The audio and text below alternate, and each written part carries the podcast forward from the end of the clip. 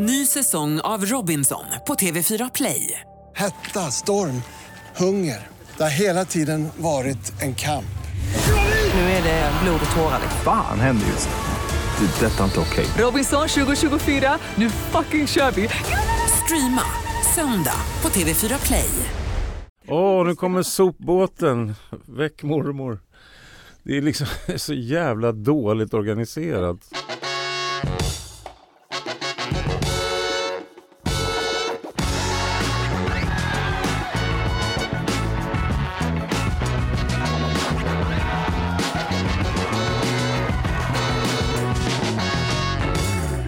Får jag berätta för alla lyssnare först och främst att jag är en person som lider av grov PMS. Jag tjatar mycket om det här eh, men det är så att jag har sån grov ångest när jag har PMS. Alltså jag är som helt filterlös och eh, jätte, jätte orolig eller väldigt väldigt arg. Det liksom pendlar. Jag tycker också att jag är en värdelös människa på alla sätt. Så igår så låg jag vaken till tre och grät eh, av oklar anledning. Ensam också i soffan, jag vill inte väcka min kille. Det är en tragisk syn. Eh, och sen så i morse så började jag känna, men gud det här, nu känns ändå, jag är inte så dålig, men gud jag är ganska gullig också. Men, ja, livet är inte så fel, cyklade hit, eh, började kolla ut över Stockholm och bara, gud vad Stockholm är vackert. Och började liksom känna massa lyckokänslor. Så när jag klev av cykeln så började jag känna att jag fick lite mensvärk och då insåg jag, PMSen är över, mensen kommer. Wow. Och nu är det fredag också. Och det är fredag. jag kommer börja grina för jag är så glad. Oj. Hur mår du annars? Ja, men jag kan ju inte säga något annat än att Det är bra, allt det är är, bra. bättre förutom Ja. PMS. Hur mår du David?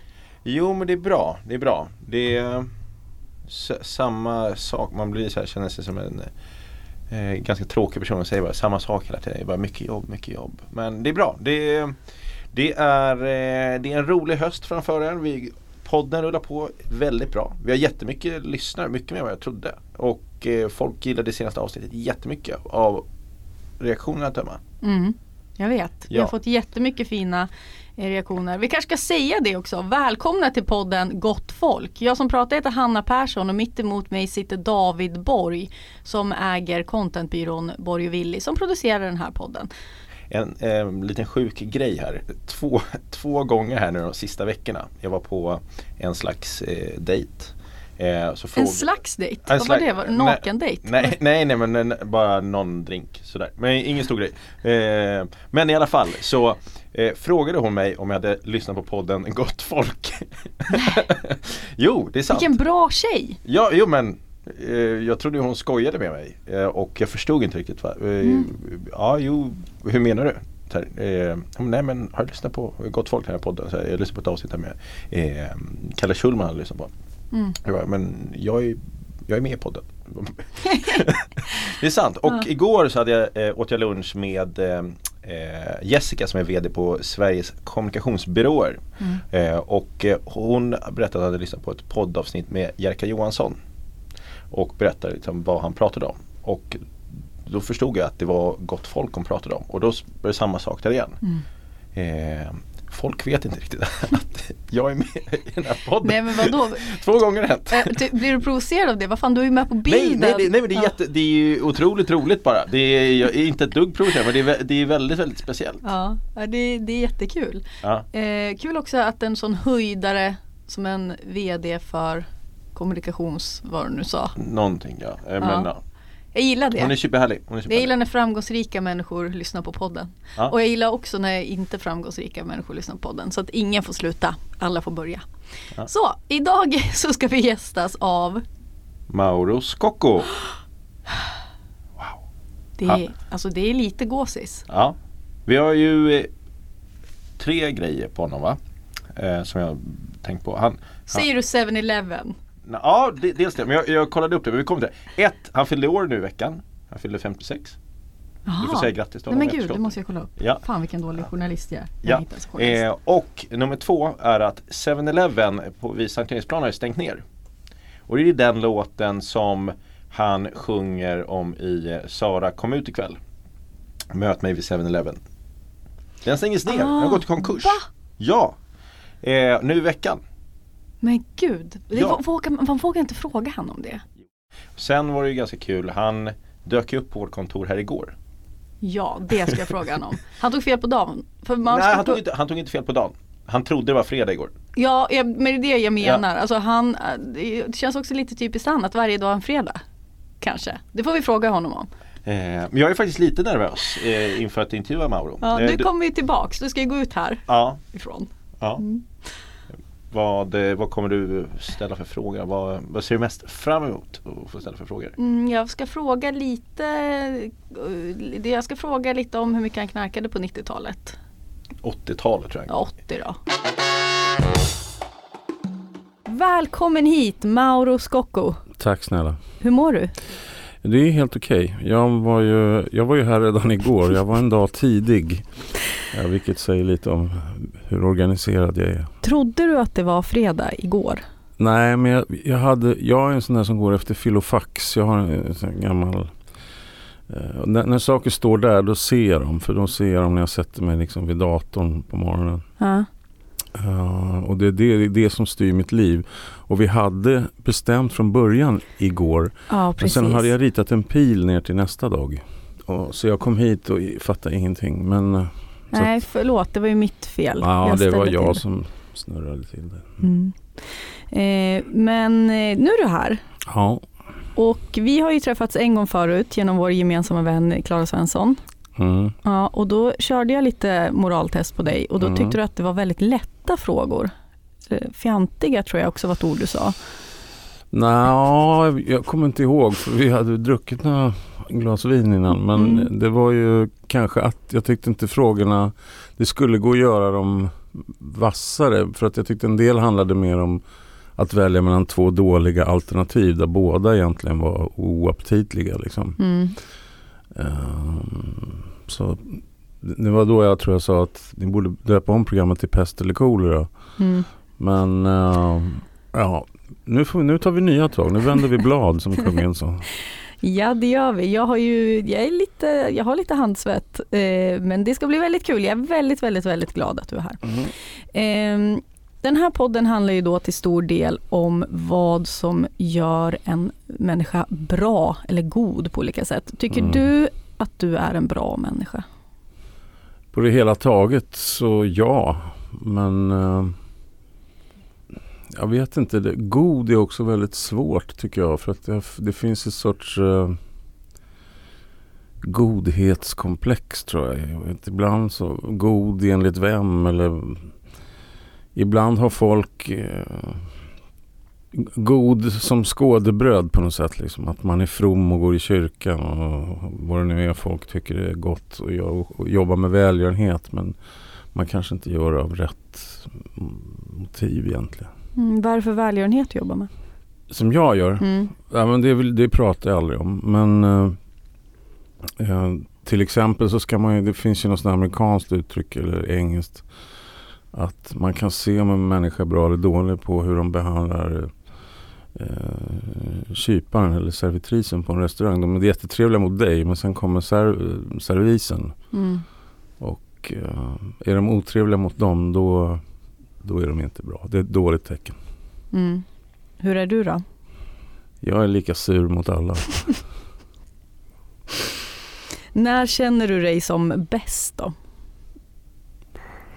Som bäst, Mm. alltså rent Ja men när känner du så här, men det här, nu känner jag mig som en ändå bra människa, det där var bra av mig eller det där liksom, nu mår jag gott inuti mer Mm. än så här, när du har tagit ett glas vin kanske. Men alltså, Nej men liksom Jag gillar den där tanken på så här random act of kindness liksom att man eh, Saker som man inte måste göra men man gör dem för att man vet att någon annan blir glad. Alltså osjälviskhet är, är ju en rätt skön känsla tycker jag.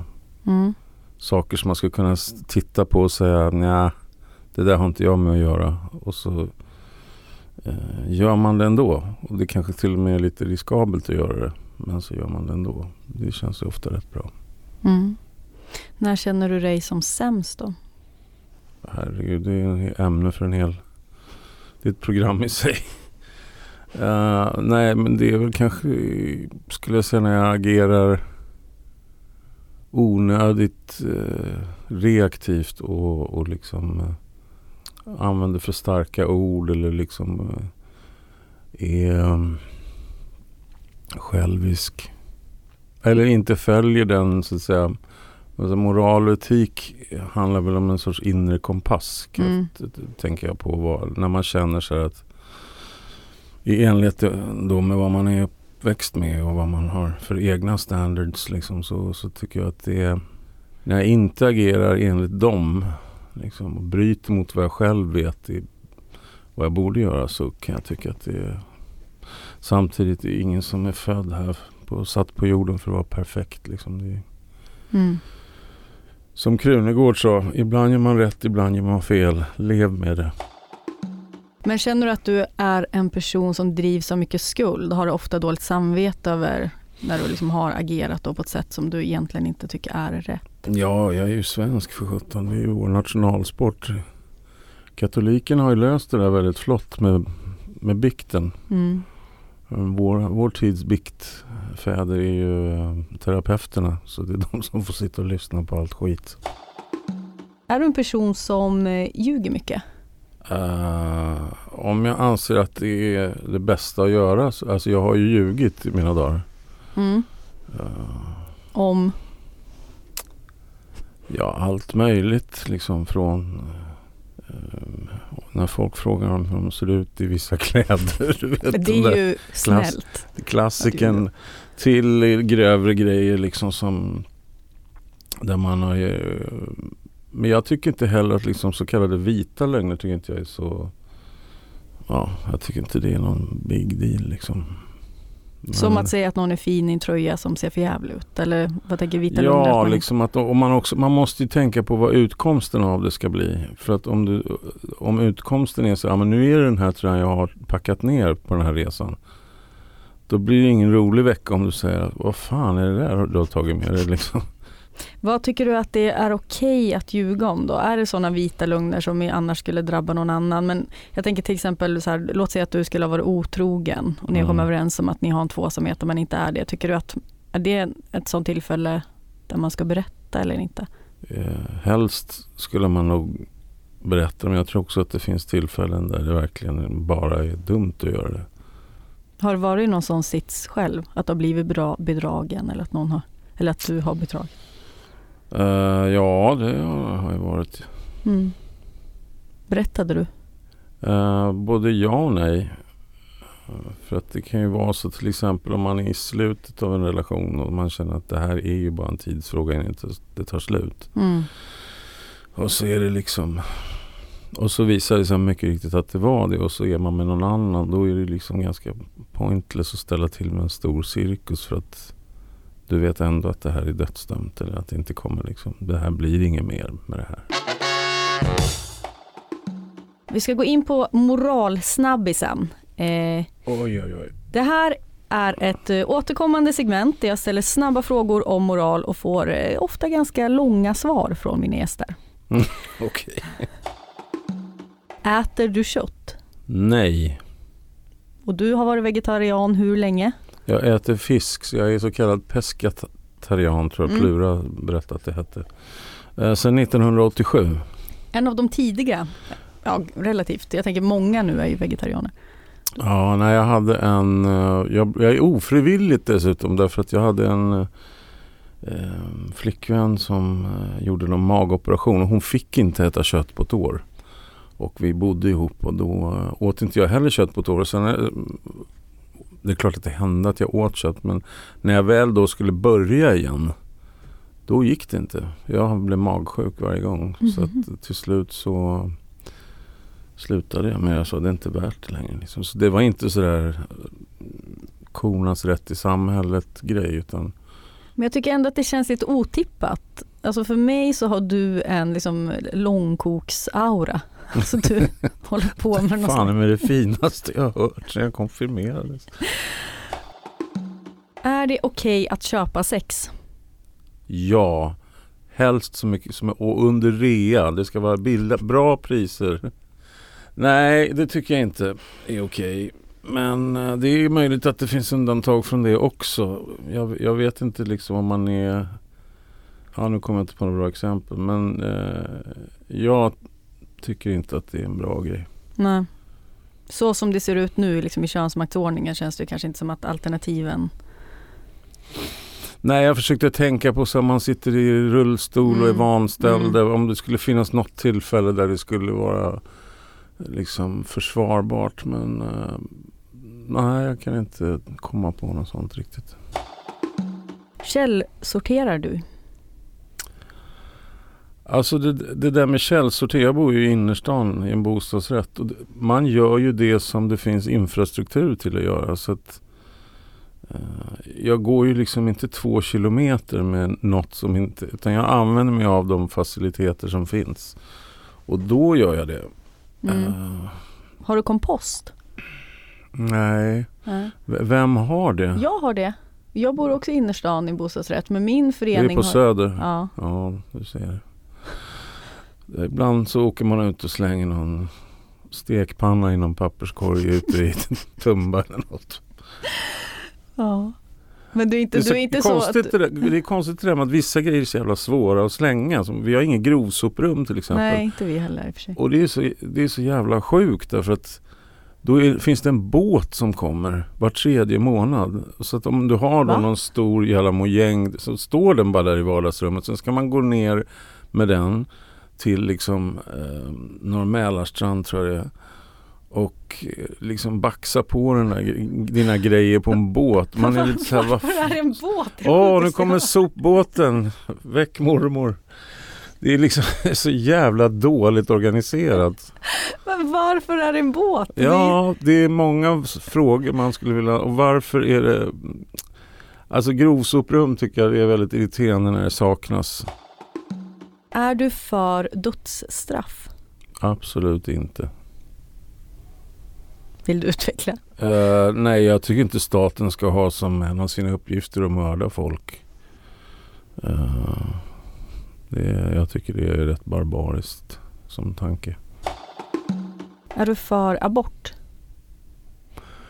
Ja, det är eh, det som är det som man kanske på ett liksom större plan kan tänka att jag tror ibland då när man, jag har varit med om det liksom då när jag var väldigt ung att någon man var med var tvungen att göra bort för ingen kunde liksom ingen var lämplig att ta hand om barnet liksom. Att det kan jag har reflekterat över att det kan ge liksom den psykolog, då i alla fall på den tiden, det här är ju 80-tal, så var nog många inte förberedda på den psykologiska backlashen som kom på det. Eh, Så det togs liksom, jag ska inte säga att det togs lättvindigt men att det var så här, ja jag skiter i sig så gör man väl abort liksom. Och det, det visade sig, om inte annat senare i livet, att det var, det var en rätt big deal liksom att göra det där mentalt. Sen kan det ju såklart vara olika. Men- ja, ja mm. absolut. Men det här med att man idag kan göra så kallade kubtester och då se ifall barnet till exempel har Downs syndrom och Mm. välja att göra abort därför. Tycker du Mm. det som tycker att man ska få göra så? Det där är ju en väldigt intressant etisk fråga. Ehm, för där blir ju frågan var ska man då dra gränsen? Ska barnet bli liksom, ska man ha någon sorts meny man prickar av att jag har den det här, det här, det här, då fimpar vi det. Har, har den inte det så eh, det ställer en större fråga liksom på något sätt där bakom. Att Vilka har rätt att finnas? Ja, vad är det? ska vi kunna välja liksom eh, och i vårt utseendefixerade samhälle från någon sorts meny hur vi tycker att den här individen som ändå är på tillväxt är värd att få överleva men den här är inte det för att den är inte vad vi har tänkt oss när vi har liksom eh, Det är otroligt svåra frågor tycker jag. Ställer du dig upp när äldre kommer in i en buss? Ny säsong av Robinson på TV4 Play. Hetta, storm, hunger. Det har hela tiden varit en kamp. Nu är det blod och tårar. Fan händer just nu. Det. är Detta är inte okej. Robinson 2024, nu fucking kör vi! Streama söndag på TV4 Play. Ett poddtips från Podplay. I fallen jag aldrig glömmer djupdyker Hasse Aro i arbetet bakom några av Sveriges mest uppseendeväckande brottsutredningar. Går vi in med hemlig telefonavlyssning och, och då upplever vi att vi får en total förändring av hans beteende. Vad är det som händer nu? Vem är det som läcker? Och så säger han att jag är kriminell, jag har varit kriminell i hela mitt liv men att mörda ett barn, där går min gräns. Nya säsongen av Fallen jag aldrig glömmer på Podplay. Nej, varför ska man göra det? Men låt säga att det är någon som har problem att stå. Alltså jag ger dem ju min plats men om, någon, om det kommer en pensionär längst fram i bussen och jag sitter längst bak då ställer jag mig inte Nej, upp. nej, nej, men det vore ett psykfallsbeteende. men om, du, om den behöver din plats, då är du villig att ge den ofta. Ja, Har du- självklart, Mm, mm. självklart. Ska droger legaliseras? Eh, jag tycker cannabis och marijuana ska legaliseras för medicinskt bruk. Mm. Du ser inga problem med det? Mm, nej, egentligen inte. För det är så pass som jag, det- jag, det jag har läst så eh, är det ju cancerpatienter och HIV-patienter och allt vad det är som får liksom en det är det enda som funkar för att få smärtlindring och få liksom respit från deras situation. Och det finns ju legala droger som är betydligt värre Mm. för kroppen. Liksom, så det tycker jag absolut man ska göra. Men du är inte drogliberal i övrigt och tänker att man får ta hand om sitt eget missbruk, liksom ta ansvar för det?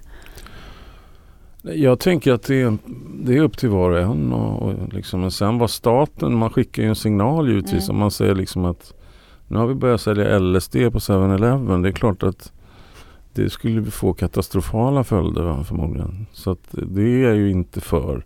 Men om någon känner att det är viktigt att de vill testa någon drog eller sådär så ja, vem är jag och nekar dem det? Det är väl bara liksom man får följa sin egen moral liksom. Tack till vår sponsor den här veckan som är Akademikernas A-kassa. För 110 kronor i månaden så är du med i A-kassan för hela livet. Tror du att eh, partiledarna har gått med i A-kassan här nu när de inte vet vad som händer här? De kanske blir av med jobbet här. Eh, Frågar du mig David? Ja, jag frågar dig. Ja, eh, ja kanske, förhoppningsvis. Det är ganska smart att gå med i a-kassan när man är partiledare man inte vet konstellationen för Är- regeringen. Är partiledarna akademiker? Alla förutom Jonas tror jag är akademiker. Prata inte skit om Jonas. Jo, han är inte så smart. Jo, han är smart. Han, han, han är ganska smart, han är partiledare. Jag tar ingen ställning mer än att vi inte ska prata skit om våra partiledare. Nej. så det. Så att hur som helst så- så är det ganska smart att gå med i Akademikernas a-kassa när framtiden är oviss. Vi har en lågkonjunktur som kommer snart. Ett, två år. Då blir det tufft. Så ja, var smart. Gå med i Akademikernas a-kassa. Det skulle jag göra. Ja, om du hade pluggat. Ja, exakt. Jag får göra det. ja, du får göra det. Hejdå, tack.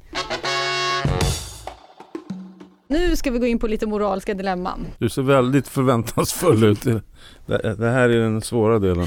Nej men det här eh, det, jag, jag är lite rädd då att du kanske kommer komma med svar som det där skulle aldrig hända. Eller det där är en Mhm. fantasisituation. Så Mm. men försök nu. Kämpa på. Mm, mm.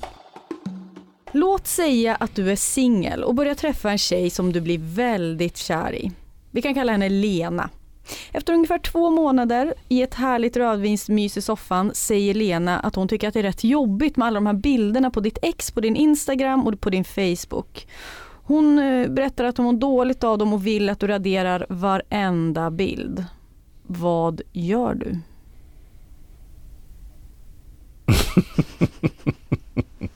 Jag har faktiskt varit med om det där. Är det sant? Ja, något Hette hon. Lena? Nej. Nej. Jag sa kom igen Lena. Nej men jag... Eh... Ja, jag vet. Vad hände då? Du måste ju berätta. Vem var det här och hur? Och... Nej men det var, jag hade en bild av ett ex eh, som jag bara tyckte var en fin bild. Men som jag, som jag liksom verkligen var klar med som, som förhållande liksom. Och Mm. hade gått vidare. Så. Men jag tyckte bilden var fin och den påminner om någonting som var en kul episod liksom. Ehm, och, och den hade jag i studion. Och studion hemma, hemstudion. Det, det är ett område där egentligen bara jag ska vara. Det ska ju inte vara någon annan där inne. Mm. Så att, ja, men den kan vi få stå här. Det blev ett jävla liv om. Eh, jag tror aldrig jag tog bort den faktiskt. Men eh, det gick lite prestige i det där. Men eh, det är, klart, är det väldigt viktigt för en annan människa så kanske man skulle radera den. Eller låtsas radera dem och sen har de i någon hemlig mapp någonstans om man tycker att det var viktigt. Din kompis Plura ringer. Mm. Han har blivit dumpad, han har ingenstans att bo och vill nu bo hemma hos dig i ett par veckor tills det ordnat upp sig. Du vet att det här kommer innebära en hel del krök och stök hemma hos dig och i ditt relativt lugna, trygga familjeliv. Vad svarar du Plura? Det här har ju hänt, by the way. Alla mina dilemman, jag var rädd att det här var för långt från sanningen. Nej, det här har hänt. Mm. Eh, eh, men då var det så att, och jag hade eh, en, jag var 25 år. 25 eller 26. Och han ringde mig och sa precis det där. Jag har blivit utsparkad. Kan jag bo hos dig? Så, ja visst, du kan bo i arbetsrummet. Och eh, så gjorde vi Kungarna från Broadway. Så att jag Mm. jobbade med honom på dagarna. Och sen åkte han och jag hem som något gammalt par till. Han var väl 37 då tror jag. Mm. Men eh, nej, det var, sa ja. jag sa ja. Men du var ju en annan typ av liv då också. Ja, det är helt Mm. klart. Inte fan skulle jag vilja ha honom liggande och snarkande där i tre veckor nu. Men eh, då var det bara trevligt. Och det, den enda riktiga downsiden var att lägenheten skulle behövt eh, saneras, röksaneras efteråt. Men eh, det var, det var ett, ett fint minne. Mm. Men ifall han skulle ringa nu då är det ett klart nej, eller? Han skulle hellre få låna pengar till att bo på ett hotell än att, än att bo hemma hos mig. Alltså om det inte handlar om en vecka. Det skulle vara eller några dagar liksom. Men Mm. jag skulle inte, inte vilja ha honom lufsande runt där och röka. Eh, Nej. Ni har varit ute ett helt gäng gamla kompisar och festat ihärdigt. Dagen efter får du ett sms från en av dem som undrar om du skulle kunna swisha din del från shotsbrickan du drack av men som han köpte. Och som du i ärlighetens namn faktiskt trodde att han bjöd på. Swishar du? Ja, fast det skulle förmodligen vara jag som betalade hela shotsbrickan till att börja med. Så det skulle aldrig uppstå det där problemet. Men det jag skulle... Är inte det någonting som är jättestörigt då?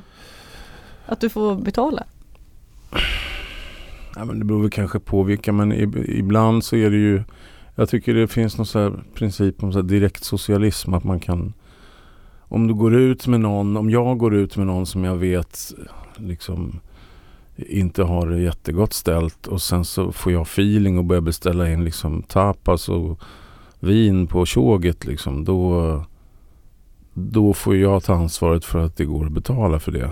Det Mm. kan ju inte liksom komma som en glad överraskning att um, du som studerar och går på studiebidrag, kan inte du ta hela den här kvällen liksom? Så Mm. att det är bara logiskt. Är du känslig att prata om pengar? Ja, jag är ju svensk. Är, vi tycker pengar är jobbiga grejer att snacka om. Men uh, nej, ja. Det beror på vad det Men gäller. är du rik? Uh, well, I mean rich. I'm rich in my heart. Du är på en trevlig, eh, låt säga 50 års eh, d- tillställning och råkar se din kompis fru står och grovhångla med någon som inte är din kompis. Vad gör du? Inte så mycket tror jag. Du avbryter inte? Nej, nej. Därför att man vet aldrig vad folk har för status i sina relationer och vad som... Jag har liksom gjort misstaget att lägga näsan i blöt några gånger Mm. i andra människors eh, förhållanden. Det har aldrig slutat väl. Liksom. För att det... Du vet inte bakgrunden till det och vet inte liksom, hur ska man kunna veta det? Mm. hennes man, hånglerskan kanske hade gjort, blivit utsatt för motsvarande av sin man. Och det här är någon sorts, eller de lever i ett öppet förhållande sedan en vecka tillbaka. Så man vet inte och vet man inte så låt folk go about their business. Liksom. Du sitter med ett gäng eh, ganska nära kompisar på en middag. Eh, en eh, kille i gänget berättar att han har varit i Amsterdam med ett annat kompisgäng. Och efter några öl så kommer det fram att han har köpt sex där. När han berättar det så skrattar han mycket och säger att det var väldigt sjukt och eh, övriga av dina kompisar skrattar också. Ja. Skrattar du med? Nej. säger du till? Stämningen är god. Stämningen är god hos Torsken och hans och kompani. Mm. Uh, jag kanske skulle säga någonting. Uh, liksom att ut, utan att vara liksom bli så här kvällens moraltant så kanske jag själv tycker jag inte att det är någon jättehöjd det där med att köpa sex. Liksom. Jag tycker inte det är något Mm. så här. Uh, men jag skulle inte liksom jag tror inte jag skulle göra en stor grej. Jag menar det här har ju hänt by the way. Så att, uh, att någon har berättat det. Liksom, ah, vi var på bordell där och där. Och man var så här, ja, okej, okay, ja, om det är din grej så. Mm. Men jag, jag håller inga moralpredikningar. Men jag kanske skulle säga att själv tycker jag inte att det där är lockande. Jag skulle liksom känna mig dålig efteråt. Mm. Din dotter kommer på sin 18-årsdag hem och stinker gräs. När du frågar eh, vad hon har gjort så argumenterar hon för att du minsann knarkade på 80-talet. Vad svarar du? Det gjorde jag inte för övrigt men uh, eller extremt lite jämfört med alla andra. Um, nej men jag skulle säga precis som det är. Jag skulle säga så jag känner att du har rökt gräs och ja, jag förstår att du ville testa det men det är ingen bra väg att gå liksom och jag gillar inte. Så håll inte på med det. Sen skulle jag säkert dra något sedelärande exempel från någon som har mm. Blivit seg. Det var ju, väldigt, var ju väldigt tråkigt just de som rökte. För det började ju tidigt. När jag gick i Gärdeskolan så var det ju extremt utbrett att Mm. röka hasch framförallt. Många blir ju sådär, man blir intresserad av sådana små detaljer. Man själv så var jag liksom sådär, ja, ah, vi blir fulla och går ut och liksom träffar tjejer och vi gör så. Och de sa, mm, kolla, den här sockerkakan är så jävla god. Nu ska jag, nu, kolla ett akvarium, det är så jävla nice med fiskar. Det är det bästa som finns. Så att det blev mycket så att man själv ville gå ut och sen satt de och tittade in i ett akvarium och hade en sockerkaka i ugnen. Om man inte kunde bonda att man själv rökte och satt också och tittade in i ett akvarium och, och skulle baka liksom muffins, då blev det en obalans där. Vi ska gå över till antingen eller som jag Mhm. kallar det här segmentet. Pest eller kolera? Mm, pest eller kolera. Antingen så är du tvungen att varje dag minst en gång dra en parallell till i hörnet på 7-Eleven. Eller så blir din låt Sara NMR, alltså Nordiska motståndsrörelsen. Det blir deras leadsång som de använder i sina offentliga framträdanden. Ja, det var ju enkelt. Den första. Skulle inte skämmas ihjäl över dig själv då? Inte jämfört med att bli associerad med NMR, nej. Hur mycket liksom får du höra om hörnet på 7-Eleven? Ja, den där meningen har ju satt sig. Det, det mest irriterande är ju att alla tror att jag fick betalt för att nämna 7-Eleven. för att nu är alla så här influencers skadade. Och det fick jag ju inte. Det var bara att jag insåg att det var liksom, dels var det ju lite halvsnott från Bruce Springsteen. Eh, som har använt det i en låt. Och det var en sån där grej som man ryckte till lite över. Att man nämner en sån här men ja, alltid när man skriver låtar så är det, det är ganska bra att ha någon detalj som är ofta hämtar du verkligheten men som är lite sådär konstigt detaljerad. Liksom, för att det kan ge en känsla av autenticitet. Tror jag. Mm. Vet du att det har gått i konkurs nu? 7-Eleven. Mm, det är just det som du sjunger om. Tror jag. Eller det var det David sa i alla fall. Alltså det är Birkastan. Eller vad heter det? Birka? Ja, det finns Mm. lika många på 7-Eleven som det finns teorier om vilket det är. Bli offentligt anklagad för metoo-grejer. Det vill Mhm. säga grövre sexuella övergrepp. Mhm. Eller, du blir inte offentligt anklagad men du lever med vetskapen om att du har gjort dig skyldig till metoo-grejer. Ja, att bli offentligt anklagad skulle ju vara värre därför att där har man ju liksom, och det är ju bevisat nu också, att där, där blir man ju dömd av gatans parlament så att säga. Att där, där kommer ju inte folk bekymra sig om det som sägs är sant eller utan när den grejen var som störst så var det ju Och nu har väl flera blivit fällda för förtal och liksom dålig press. Ja, Så- tidningarna har ju blivit fällda Ja, för att de namngav. Namn Mm. och sådär. Så att, ja. ja, det skulle jag ta nummer två. Du skulle hellre ha, alltså leva med vetskapen att du har gjort, liksom utsatt kvinnor för grövre sexuella Ja, övergrepp. du menar att i första fallet så är jag oskyldig? Ja, Jaha. Nej, då skulle jag ta det första kanske. Men jag skulle, det är, det är pest eller kolera för att jag, jag kan tänka mig att det är Jag vet han på Stadsteatern här som Benny. Ja, Mm. det, kan, liksom, det kan ju knäcka en Ja, helt. det är fruktansvärt. Den här kommer vara för lätt för dig att svara på. Men jag ställer den ändå. Ja. Vill du bli med i Svenska Akademin? eller Nya Svenska Akademin? Har du blivit tillfrågad till nya? Nej, jag har inte riktigt den positionen tror jag. Din unge blir superengagerad i Sverigedemokraterna eller så blir hon helt blasé. Hon bryr sig inte om någonting och blir en äkta liksom, soffliggare. Det vill säga antingen så brinner hon för skit eller så skiter hon i precis allt. Då tar jag det senare. Mm. Det var dagens lättaste fråga va? Dagens lättaste. Du är ganska öppen med att du är väldigt anti-SD.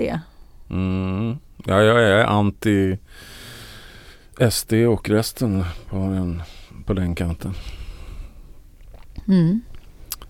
Uh, och ett av skälen till det är också att jag tror att SD har som alla högerpopulistiska partier av den typen Eh, så visar de upp ett face nu när det är val och det de säger och sen har de ju för mycket rötägg som de måste ju hålla på att kasta ut folk i parti och minut som heilar och har sig på fester. Um, men ofta den typen av partier de har en annan agenda som är dold. Så att när de väl kommer till makten så börjar skruvarna och det är jag helt övertygad att de har. Med medier och en massa. Det har ju redan framgått by the way att de har försagt sig liksom. Men eh, så jag tror att det finns en mycket värre agenda bortom valet om de skulle blivit säg största parti eller whatever. Um, så den dagen de får, skulle få styra Sverige så kommer det vara då kommer det vara lite andra tongångar tror jag. Antingen så blir ditt barn mobbat eller så blir ditt barn en mobbare. Och jag skulle få reda på både och. Mm. Ja, det skulle vara nästan lika illa. Jag, skulle definitivt, jag var själv mobbad när jag var, började skolan. Så att jag, vet- jag vet hur det, liksom traumatiskt det kan vara. Mm. Eh, så att jag, jag skulle bli mycket upprörd i båda fallen. Och eh, det är ett ämne som ligger mig varmt om hjärtat. Eh, det, allt jag såg under min skolgång det var att det här kan, det är bara att titta ut på skolgården så ser ni ju vem det står en ring runt. Mm. Liksom. Fråga då varför står alla där och vad gör de för någonting? Hur länge pågick mobbningen mot dig? Jag bytte skola sen eh, mellan årskurs 1 och 3. Mm. Så att, eh, Och man är ju så liten, sju, nio år. ja, jag var ju livrädd Ja. liksom. Så min mamma fick ju komma och sitta på skolgården och, och, och liksom vakta. För jag Mm. vågade inte gå ut på skolgården och så här. Så att, eh, nej, jag tycker det är mycket illa i båda fallen. Om man, oavsett om man mobbar eller är den mobbade. Eh, men bara apropå det, känner du då att du blev artist och du blev ju väldigt, väldigt framgångsrik. Mm. Har du känt mycket sånt, så här, revanschlust och liksom någon slags hämnd? Ja, inte kanske så mycket på dem. Ja, jo, jo, revansch och liksom hävdelsebegär tror jag var en stark drivkraft. Därför att jag eh, har aldrig haft något liksom support hemifrån för det jag håller på med.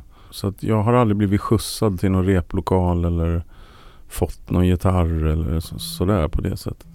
Mm. Är det min telefon som Nu ringer ringer? Plura. ringer Plura. Han har ingenstans att bo. Hallå? Tjena.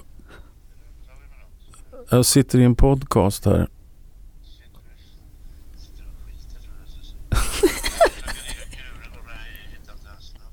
Nej. Ja, jag kan, jag kan messa dig numret sen. Ja, okej.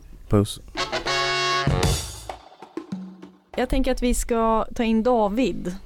Han ska komma med lite ja, svårare frågor. Vi kallar det för Davids mörka vägskäl. Davids mörka vägskäl. Gud vilken bra. Har du spikat mycket?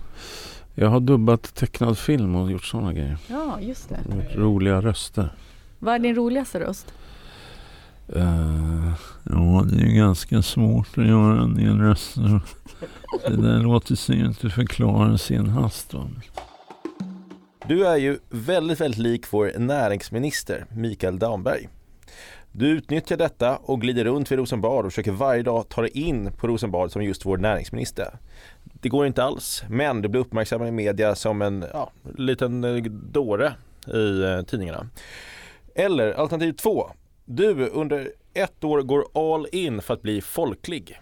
Du är med i Idoljuryn, du är med i Så, så ska det låta och du avslutar med hela med en stor final att delta i Så mycket bättre där du verkligen tar i från tårna och gråter verkligen när Peg Parnevik berättar om varför hon skrev låten Loafers.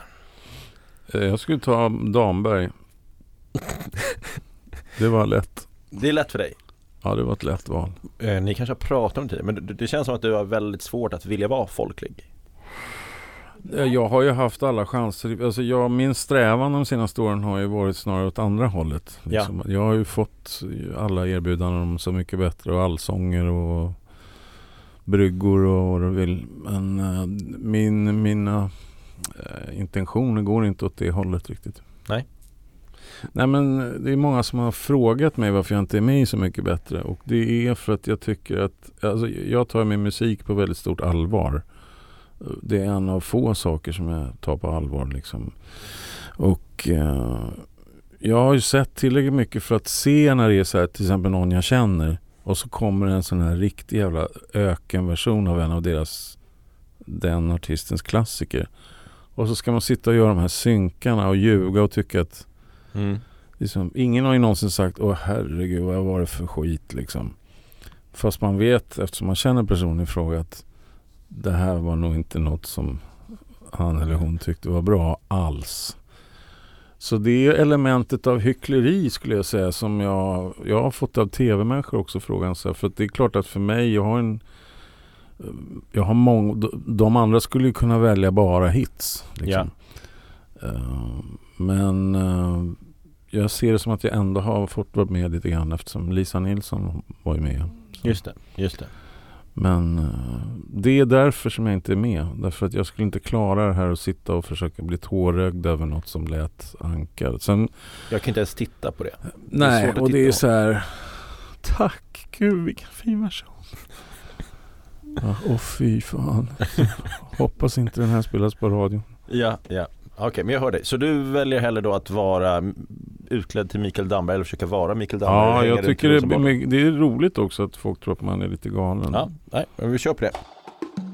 Du kan verkligen inte stå ut med att alla säger till dig att du är väldigt lik Mikael Damberg.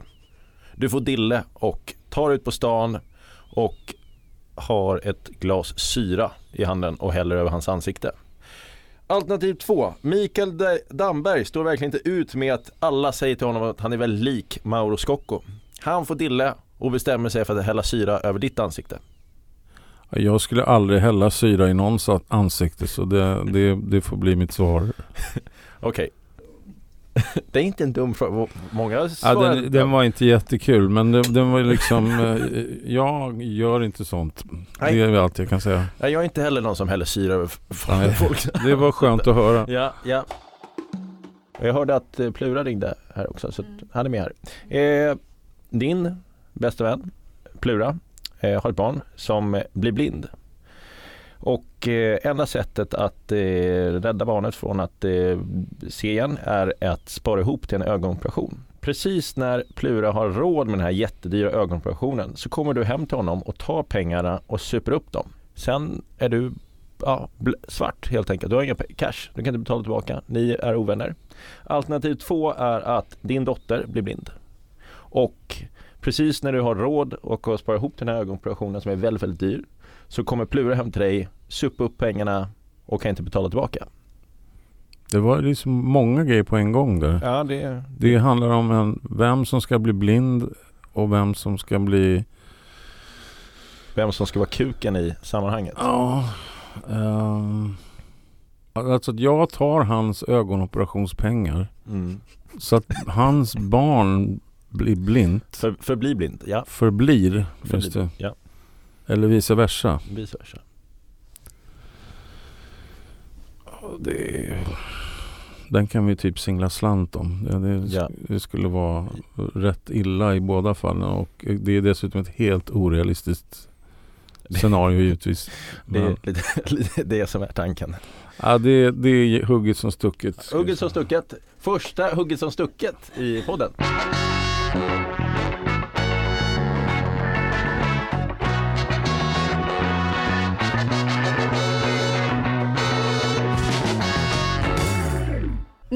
Börjar intervjun lida mot sitt slut. Eh, jag antar att du tyckte att vissa frågor var lite fjantiga men jag kan leva med det. Jag Mm. tyckte att du var väldigt ofjantig.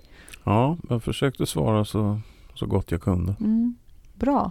Vad, nu är det ju upp till eh, lyssnarna att eh, tycka och tänka om eh, dig i den här podden. Mm. Så att det tycker jag att ni ska göra, ni som lyssnar. Ni kan ju, du Mauro har ju också en Instagram, kanske kan, kan skriva direkt till dig. Annars så skriv till mig, Hanna Pi heter jag där på Instagram. Tack alla ni som har lyssnat. Eh, ni blir fler och fler varje, eh, varje avsnitt, det tycker jag är väldigt kul. Men framförallt tack till Mauro Scocco för att du kom hit. Tack ska du ha. Hej då! Hej. Ny säsong av Robinson på TV4 Play. Hetta, storm, hunger. Det har hela tiden varit en kamp. Nu är det blod och tårar. Fan händer just nu. Det. är Detta är inte okej. Robinson 2024, nu fucking kör vi! Streama söndag på TV4 Play.